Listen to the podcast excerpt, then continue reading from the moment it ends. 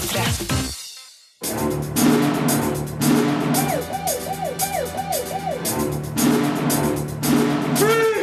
Filmpolitiet! What's dude? Birger Vestmo. Kind of stupid name is that? The Hunger Games Mockingjay Part 2 er seriens beste. Everything Will Be Fine er et interessant og stemningsfullt drama om forsoning. The Program er et kompetent drama om Lance Armstrongs dopingskandale. Og Burnt med Bradley Cooper er et kokkedrama med sløve kniver. Ja, det her er premierefilmene som anmeldes i dagens utgave av Filmpolitiet, der du òg får serieanmeldelse av Jessica Jones fra Netflix og The Flash sesong 2 fra Max. Og Tommy Wirkola forteller hvordan det var å regissere Glenn Close og William Dafoe i sin kommende film What Happened to Monday. Filmpolitiet anmelder film.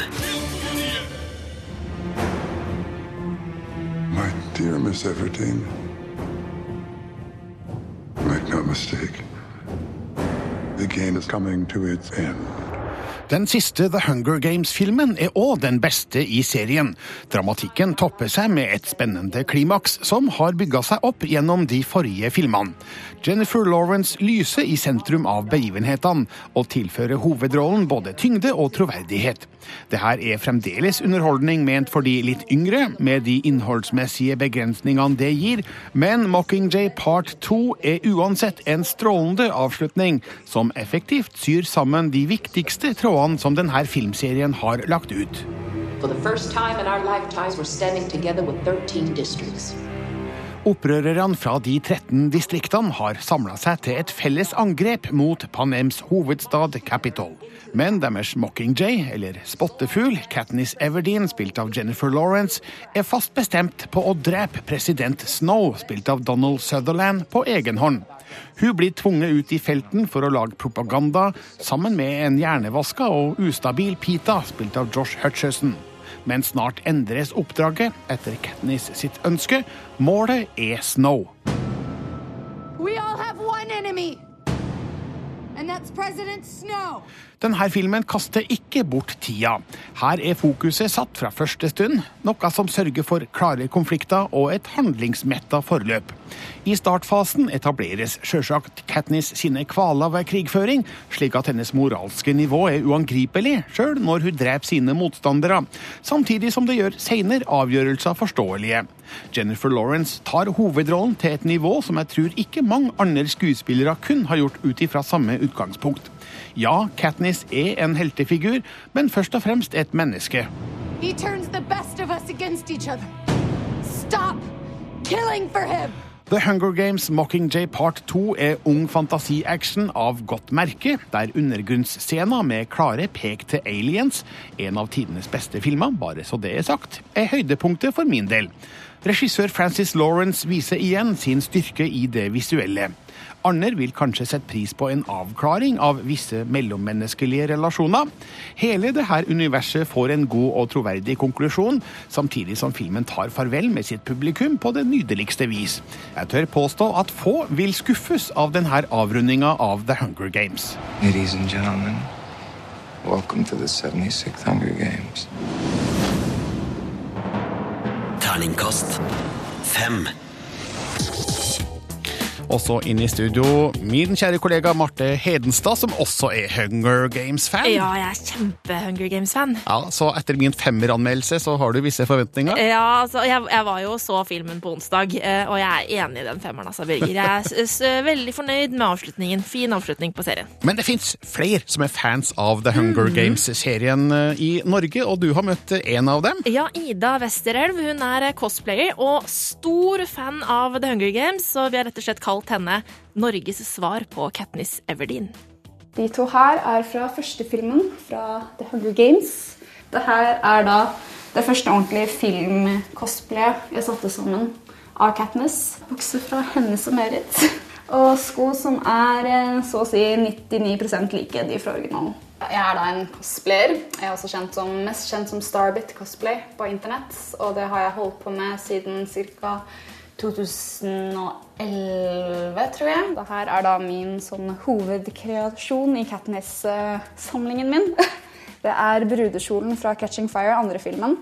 Den er laga selv, hele skjørtet er laga selv. Korsettet er et sånn superbillig eBay-korsett som jeg har eh, kjøpt og limt på masse fjær, bare masse dilldall, for at det skal se så puffy ut som mulig. Eh, Den her er laga limpistol, som jeg tar på en silikonmatte så det kan pelle av limet. Og da får du en sånn fin sånn base med lim på hver enkel sånn liten sånn smådiamanter her. Hun leker liksom ikke cosplay, eh, hun Ida. Nei, og her hørte vi at eh, hun beskrev hvordan hun hadde laget den brudekjolen som Katniss Everdeen har på seg i Catching Fire. Eh, og det er jo en ganske sånn eh, overdådig kreasjon eh, som eh, da Ida har gjenskapt, da.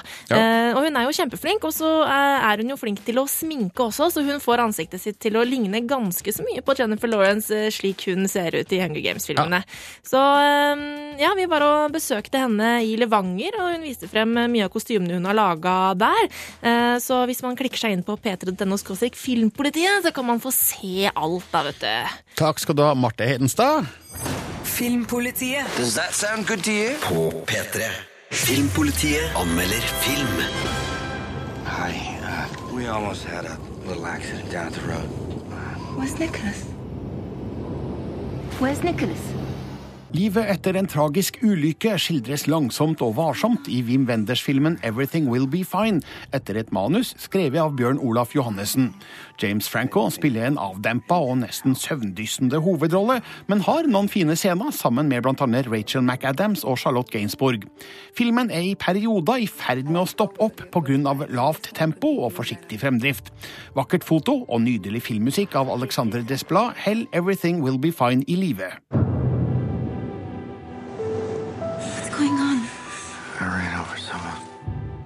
Forfatteren Thomas Elden, spilt av James Franco, forårsaker uforskyldt et barns død. Det her skaper problemer både karrieremessig og personlig, ikke minst i forholdet til Sarah, spilt av Rachel McAdams. Noen år senere kommer han i kontakt med det avdøde barnets mor, Kate, spilt av Charlotte Gainsborg. De forsøker å finne en mening med det hele for å komme seg videre. Enda noen år senere kontaktes han av Kates andre sønn, Christopher, spilt av Robert Naylor, som har fatta en uvanlig stor interesse for Thomas. There's a chapter where this man carries a boy on his shoulders. Is that me?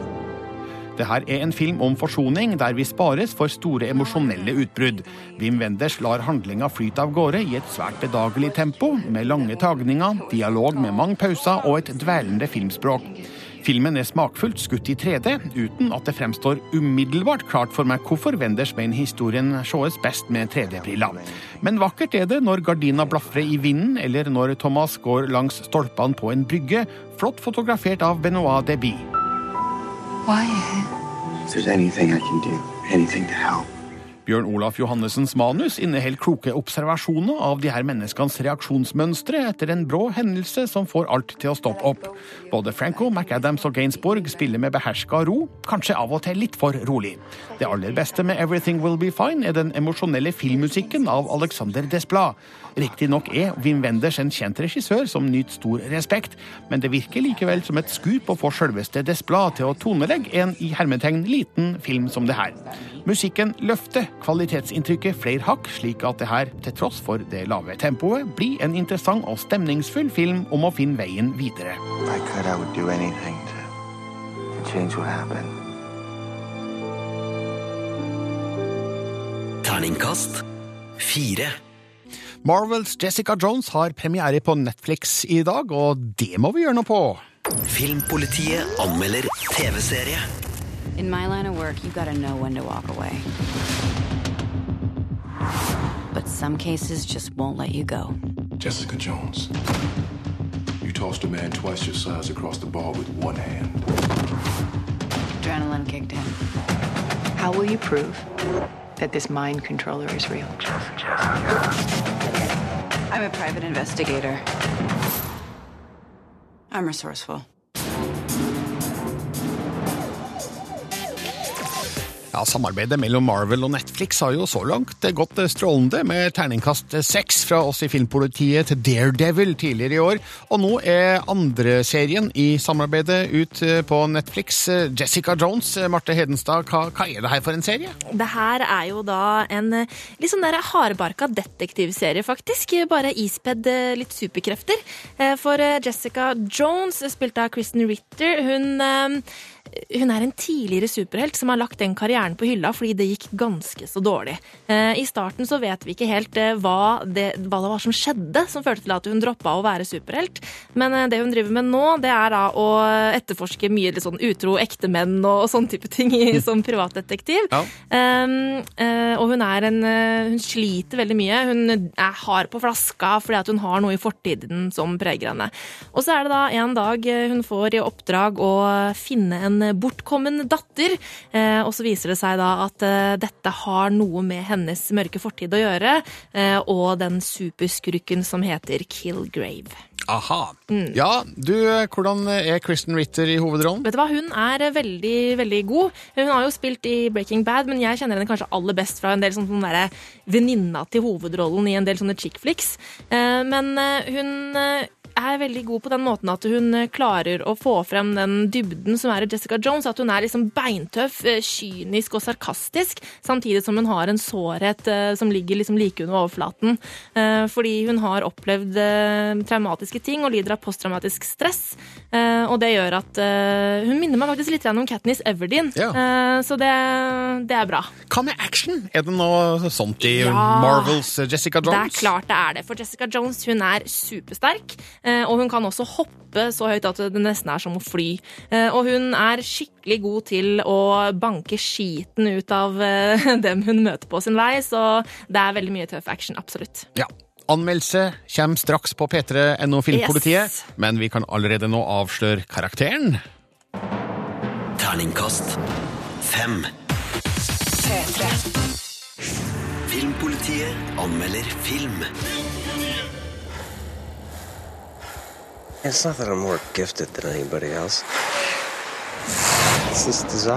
Utfordringa til The Program er hvordan fortelle en godt kjent historie der utfallet er gitt. De fleste kjenner jo hovedtrekkene i dopingskandalen rundt Lance Armstrong, syklisten som vant Tour de France sju ganger på rad, men som siden ble fratatt alle titlene.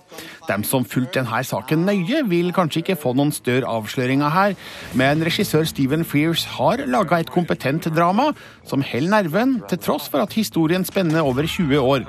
Og hovedrolleinnehaver Ben Foster er troverdig som Armstrong, mannen som gjør hva som helst for å vinne. Lance, right? You won all those races in America, but you don't win here. Historien starter midt på 1990-tallet. Armstrong konkurrerer i Europa, der dopingbruken i miljøet er utstrakt. Han innser at også han må dope seg for å vinne, og kontakter den italienske legen Michele Ferrari, spilt av Guillaume Connet. Men så rammes Armstrong av testikkelkreft og må kjempe en hard kamp for å overleve. Når han blir frisk, lover han seg sjøl å aldri komme så nær ved å tape igjen, og sette i gang et systematisk dopingprogram sammen med legen og teamet rundt seg. Men ettersom Tour de France-triumfene ruller inn, fatter den irske journalisten David Walsh, spilt av Chris O'Dowd, mistanke til at noe ikke stemmer. Dr. Ferrari? I want to be like one of your guys. I want to be on whatever program they're on. You just tell me what to do, I'll do it. Ben Foster er god i rollen som Armstrong. Han spiller han kanskje litt mer forknytt og mindre sjarmerende enn vi kjenner den virkelige Armstrong fra TV-skjermen, men han formidler en absolutt interessant versjon av sykkelhelten som gir et inntrykk av mannen bak fasaden.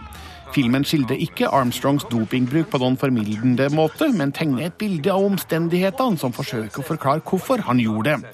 Kortversjonen er at så godt som alle andre òg dopa seg, samt at Armstrong var mentalt merka av den harde kreftkampen som nesten kosta han livet. I have my interview with Armstrong today. I just love to ride my bike. Regissør Steven Fears skildrer sykkelsirkuset i Tour de France ved hjelp av autentiske arkivbilder, kryssklippa med skuespillerne, og det fungerer fint, bortsett fra én åpenbart falsk scene fra Champs-Élysées. Miljøet fremstår rimelig enspora og trist, der de fleste kjenner til råttenskapen som gjennomstyrer sporten, men velger å legge lokk på det for å bevare husfreden, inkludert journalistene som følger toren. Det gis et inntrykk av at Lance Armstrong kanskje ikke vant fordi han dopa seg, han vant fordi han var den beste til å dope seg. The Program føles verken som en fordømmelse av eller oppreisning for Lance Armstrong, men gir noen gode svar på hvordan og hvorfor sykkelsportens største stjerne kun rammer så spektakulært. I'm Lance Armstrong, and I will not be brought down. Terningkast fire. Og så skal vi kikke litt på det som har skjedd på filmfronten denne uka. Marte Hedenstad er her sammen med meg. og... eh, Nå eh, kommer endelig Burning 2, Marte. Hurra! For det har vi venta litt på. Ja, og den gjorde jo dritbra, for å si det mildt, eh, den første filmen. Altså, eh, det var jo den mest sette, sette norske filmen. Ja. Så 380 000 sånn på kino, og Ja. enda flere på Blu-ray, DVD og strømming. Ja, og nå skal det da endelig komme en eh, oppfølger. Og eh, regissør Halvard Brein sier at det her blir verdens første bilfilm på vinterføre. Tror du det stemmer? Ja, altså Det har nok vært bilscena på vinterføre før, men altså en hel bilfilm på vinterføre? Ja. Nei, det har kanskje ikke skjedd, så Det kan bli ganske mye kul sladding, tror jeg. Ja. Eh, jeg har blitt fortalt hvordan eh, Burning 2 er tenkt å åpne. Skal ikke Oi. avsløre det her, men eh, hvis det blir sånn, veldig kult. da. Å, nå ble jeg veldig Eh, nysgjerrig, kjenner jeg. Eh, Over på den internasjonale scenen. eh, Christopher McCorry han eh, skal være i forhandlinger med, Paramount og Skydance for å regissere Mission Impossible 6. Ja. Han gjorde også den forrige. Mm, han har jo jobba en del med Tom Cruise i det siste. Han lagde jo også Jack Reacher, og så hadde han i tillegg manus på Edge of Tomorrow. Eh, Så hvis han eh, får lov å ha regi på Mission Impossible 6, jeg tror det kan bli kult, det. Ja, Jeg liker det samarbeidet der. blir første gang en regissør lager to Mission Impossible-filmer, men eh, nå har det jo eh, vært eh, stor suksess og masse pengeinntjening. Mm. Hva var det jeg leste? Den, eh, den har tjent eh, 700 millioner dollar eh, på verdensbasis, så klart han får lov til å komme tilbake hvis han vil det. Det tror jeg. En nordmann skal til, til Hollywood.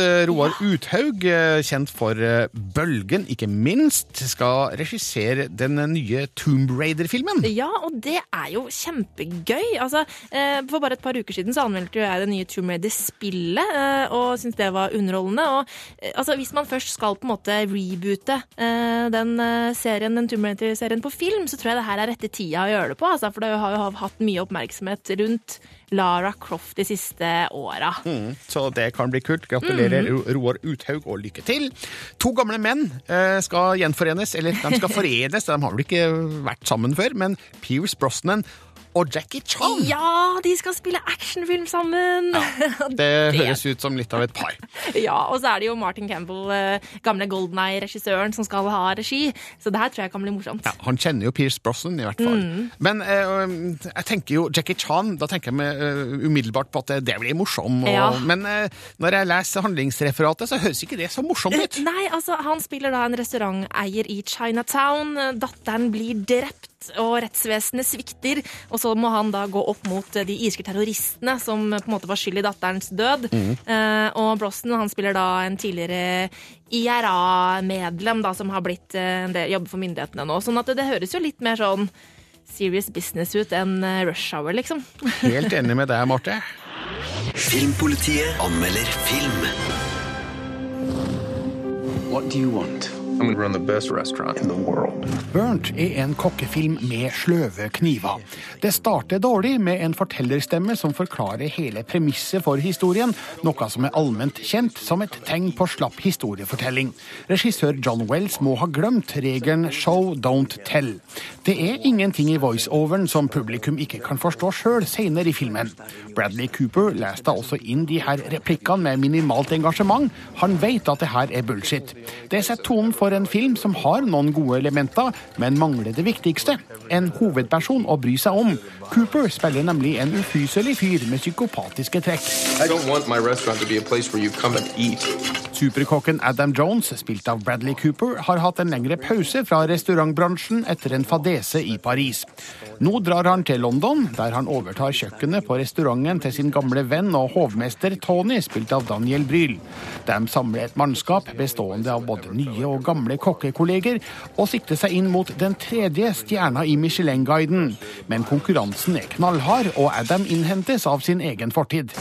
If you try to start a new restaurant, there are at least a dozen people who will try to have you killed. Maten i filmen er vakkert komponert og anretta av mesterkokken Markus Wering. Scenene der rettene kokkeleres, er kjappe, energiske og fulle av fres. Kokkenes arbeidsklima skildres som et beinhardt kappløp mot klokka, med Adam Jones som nådeløs teamleder. Jeg har ikke kunnskap om det her er en troverdig fremstilling av et trestjerners kjøkken, men Adam Jones fremstår som en satan uten sosiale antenner, og vil sannsynligvis virke mer avskrekkende enn tiltrekkende på potensielle småkokker. Men det kan ikke underslås at kjøkkensekvensene har en vitalitet som resten av filmen mangler. Like really. Filmen må finne seg i å bli sammenligna med John Favros Chef, en humørperle om kokken som går tilbake til sine røtter etter et nederlag.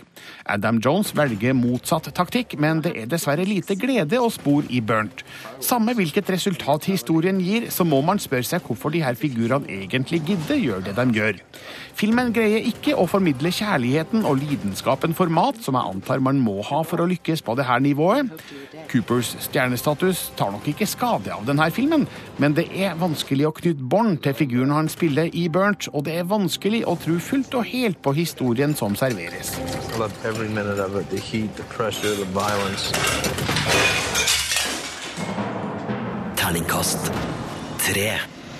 Les mer om film, spill og serier på p3.no Filmpolitiet. Et av høstens virkelige storspill er Fallout 4. Marte Hedenstad har sittet klistra foran skjermen siden lanseringa i forrige uke. Sist fredag sa hun at spillet kanskje var hennes nye favorittspill, og nå er den endelige dommen over Fallout 4 her. Filmpolitiet anmelder spill. I have a question. The only question that matters. Would you risk your life for your fellow man? Jeg tror du må lete lenge etter et spill som er mer underholdende enn Bethesdas postapokalyptiske actionrollespill Fallout 4. Etter en uke i spillets ødeland har jeg innsett én ting. Dette er det beste jeg har spilt på lenge. I år 2077 utslettet USA og Kina den moderne sivilisasjonen i en kortvarig, men ødeleggende atomkrig. Nå, 210 år senere, våkner du opp fra nedfrosset tilstand i et bomberom i utkanten av Boston, der du søkte tilflukt da atombombene smalt. Det er en annen verden du våkner opp til. En ødemark der den radioaktive strålingen har ført til farlige mutantmonstre og zombielignende skapninger som befolker Wasteland. Det er det som er igjen av menneskelig sivilisasjon, klamrer seg fast. This wasn't the world I wanted, but it was the one I found myself in. I starten av spillet finner du frem til det som er igjen av hjemplassen din, Sanctuary Hills. I de gamle ruinene kan du bygge et tilholdssted for deg og dine allierte. Og i ekte postapokalyptisk stil bruker du søppel til byggingen.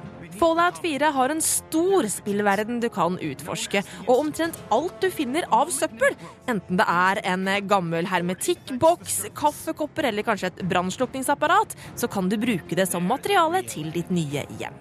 Og som den hamstreren jeg er, så elsker jeg at jeg kan plukke opp alt jeg finner, og attpåtil bruke det til noe fornuftig etterpå. Selve konstruksjonsverktøyet er litt knotete, men for en som syns at byggefasen i Sims-spillene er det morsomste, er det likevel kjempegøy.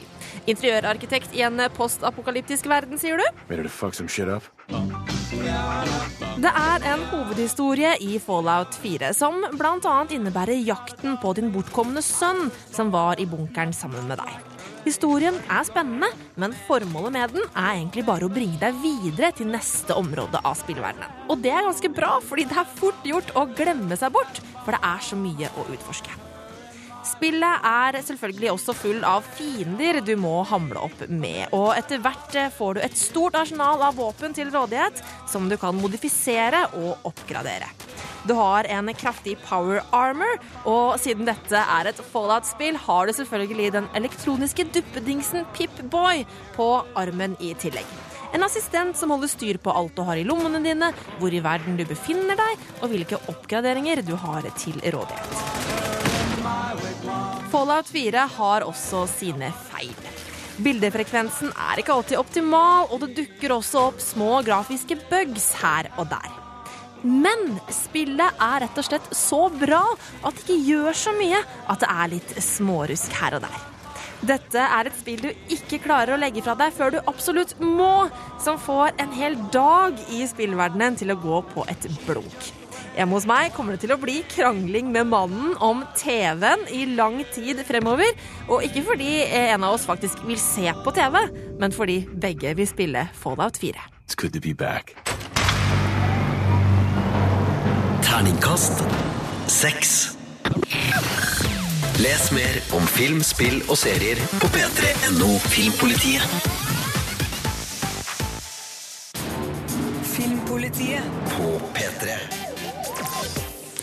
Regissør Tommy Wirkola er nettopp ferdig med innspillinga av sin neste film What Happened to Monday i Romania. Her spiller svenske Nomi Rapace hele sju roller i en fremtidsfabel der det er ulovlig å ha mer enn ett barn, og et sett med skjulinger må dermed holde seg skjult for myndighetene.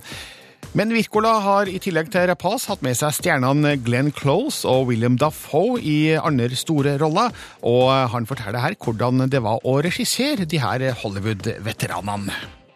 Det er en grunn til at de er der de er. Det er en grunn til at de er så flinke og har fått så mange nominasjoner og gjort så mange filmer de har. Det, det, de er utrolig dyktige i det de gjør, og de er smarte morsomme og, og artige å jobbe med. Og de, de bringer så mye med sjøl i prosjektet. Så når de kommer, så har de de hever alt de er med i, da, fordi at de er så flinke. Um, så uh, vi hadde et veldig bra manus, og vi hadde, det at Numi hadde hovedrollen, var også en, et veldig stort trekkplaster for mange, for de vil jobbe med Numi, og en veldig høy stjerne etter um, Dragon Tattoo-filmene.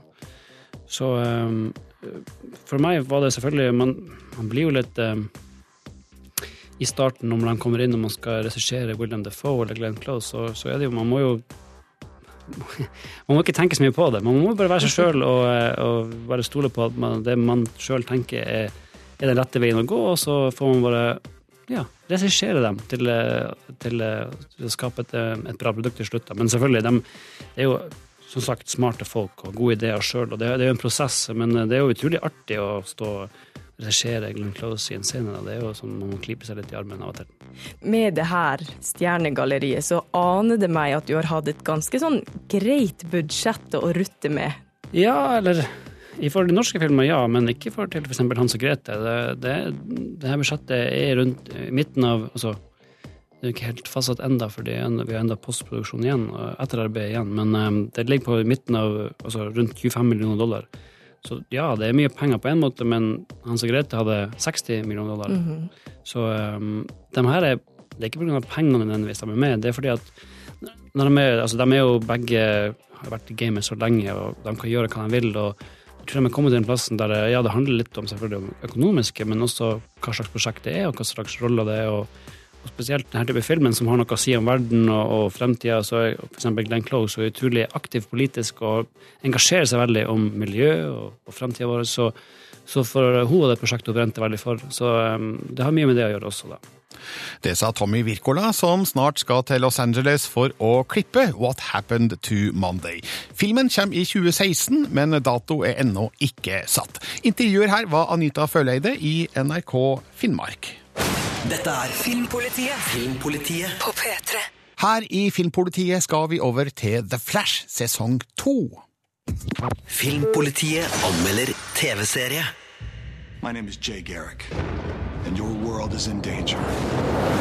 What other worlds are there? When you created the singularity above Central City, you created a portal. If he got through, there'll be more to follow. Locked and loaded. I always did like a man who could handle a gun. You should see my nerve collection. You want me? You're gonna have to catch me. Showtime. På søndag starter sesong to av The Flash på TV-kanalen Max. Eh, Marte Hedenstad, du trilla terningkast eh, fire for starten av sesong én. Og for uinnvidde, kan du bare kort forklare hvem er The Flash? The Flash er the fastest man alive. Det er altså da eh, DC Comics sin superraske superhelt Berry Allen, aka The Flash, altså, som bor i Central City og gjør det han kan for å hjelpe byen. Du har sett de fem første episodene av sesong to, og hvordan går det med Barry Allen? Nei, det går bra med Barry Allen. Altså. Han uh, har jo sitt å stri med. Uh, mot, slutten av uh, forrige sesong så klarte han liksom å ja, eh, slå et slag for byen. Eh, men i, eh, i liksom, han åpnet også ved et uhell en portal til et parallelt univers. Å, oh, uheldig. veldig uheldig. Eh, og her eh, i dette universet så er det da en, en annen jord med de samme menneskene på, men da liksom i litt eh, annerledes varianter, ikke sant. Eh, og her, som vi hørte i det lydklippet, så kommer da en annen The Flash, eh, som spilles av en helt annen eh, fyr, eh, over og liksom skal advare eh, mot eh, disse onde metahumans-folka som nå strømmer eh, fra det ene universet til det andre. Når du forteller på den måten der, så eh, høres det veldig snålt ut. Det er jo veldig snålt. eh, Men det som er med The Flash, er at det er en veldig sjarmerende serie. Og det er veldig mye sånn eh, kjærlighet til superheltsjangeren her, og veldig mye sånn morsomme ting og mye referanser til popkultur og sånn som jeg liker.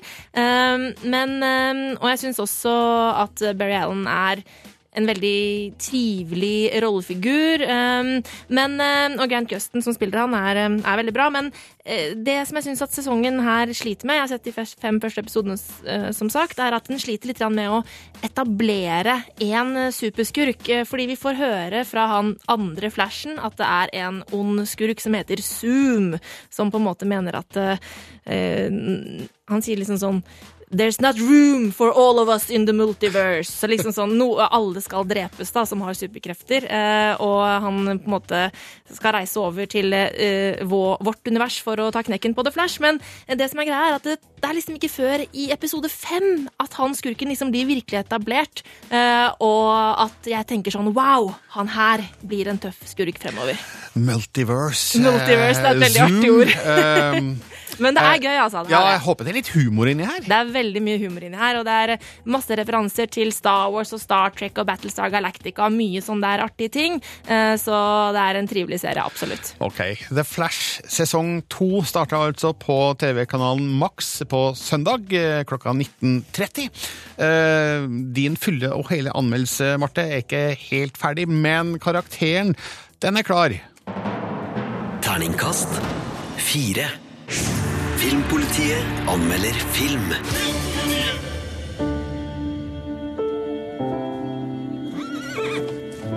Il a fait quoi Il a tué un homme. Viggo Mortensen vandrer en eklektisk rute gjennom karrieren. Han kunne sjølsagt kapitalisert på Ringenes herre-suksessen og vært stor Hollywood-stjerne. I stedet velger han mindre filmer, og det aner meg at han er mer interessert i kunstnerisk interessante roller enn rikdom og berømmelse. Far From Men er et flott drama fra opprørskrigen i Algerie på 1950-tallet, der Viggo Mortensen spiller den ikke-voldelige læreren som plutselig blir tvunget til å forholde seg til voldsomme krigshandlinger.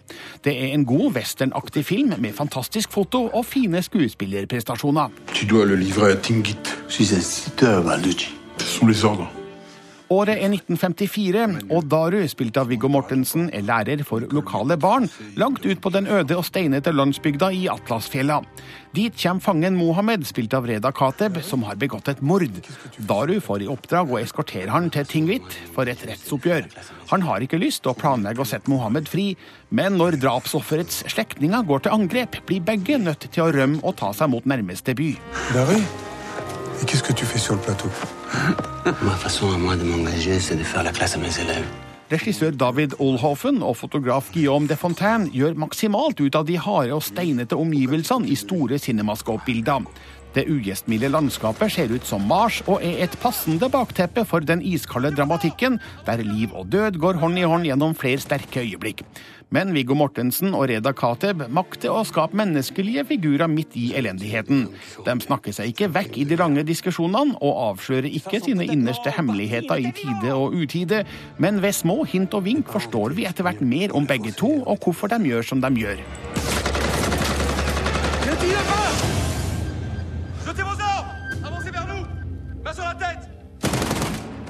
Far From Men er basert på novellen 'Gjesten' av den franske forfatteren og journalisten Albert Camus, som var en kjent pasifist.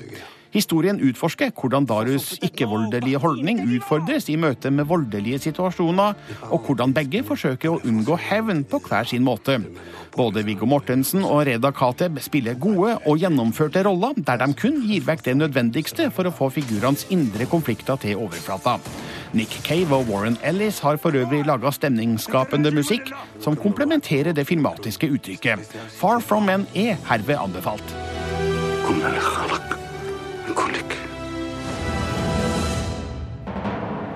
Terningkast fem. Filmpolitiet anmelder film. 私たちを捨てた父が死んだ腹違いの妹を残して Den japanske regissøren Hirokatsu Koreeda er kjent for sine stille, rolige og kontemplative filmer om familiebånd. Etter Still Walking og Som far så sønn kommer nå Søstre, en skildring av forholdet mellom fire forskjellige familiemedlemmer under samme tak. Filmen er fri for store konflikter, høylytte oppgjør og dramatiske begivenheter, og kun lett blitt dørgende kjedelig. Men Hirokatsu Koreeda luller oss inn i en behagelig atmosfære, der dynamikken mellom søstrene er det som holder filmen sammen. しずちゃん鎌倉に来ない？え？一緒に暮らさない？4人で。Historien er alt annet enn utfordrende. Tre søstre, Sachi, spilt av Haruka Ayase, Yoshino, spilt av Masami Nagasawa, og Shika, spilt av Kaho, bor sammen i byen Kamakura. Så dør faren, som de ikke har sett på 15 år, etter at han forlot dem og stifta ny familie. I begravelsen blir de kjent med sin unge halvsøster Susu, spilt av Susu Hirose, som nå er foreldreløs. De inviterer hun til å flytte inn i huset deres, og det går helt greit. 今日からお世話になりますこっちこっちどう Søstre er altså så godt som bekymringsfri og problemløs. Her er hovedsaken å observere de tre søstrenes interaksjon med hverandre, og hvordan de påvirkes av sin yngre halvsøsters inntog, samtidig som vi ser hvordan hun blomstrer i sine nye omgivelser. Det fins aspekter ved historien som gir grobunn for emosjonelle utbrudd, men de holdes boblende under overflata. Og når det en gang innimellom oppstår noe som ligner en konfrontasjon, så dør det hen raskt. でしょ生しらすなんか他では食べられないからね og slik går nå dagene. Det skjer kanskje ikke så mye i Søstre, annet enn hverdagslige utfordringer innen jobb, skole, kjærlighet, mat, drikke og fremtidsutsikter. Filmens største kvalitet er den sympatiske skildringa av søsterskap, der kjærlighet, lojalitet og vennskap er viktige ingredienser. Hirokatsu Koreeda har laga en feel good-film som har en avslappende effekt på publikum. I en tid der alt skal eksplodere i 3D, kan søstre være en kjærkommen avveksling.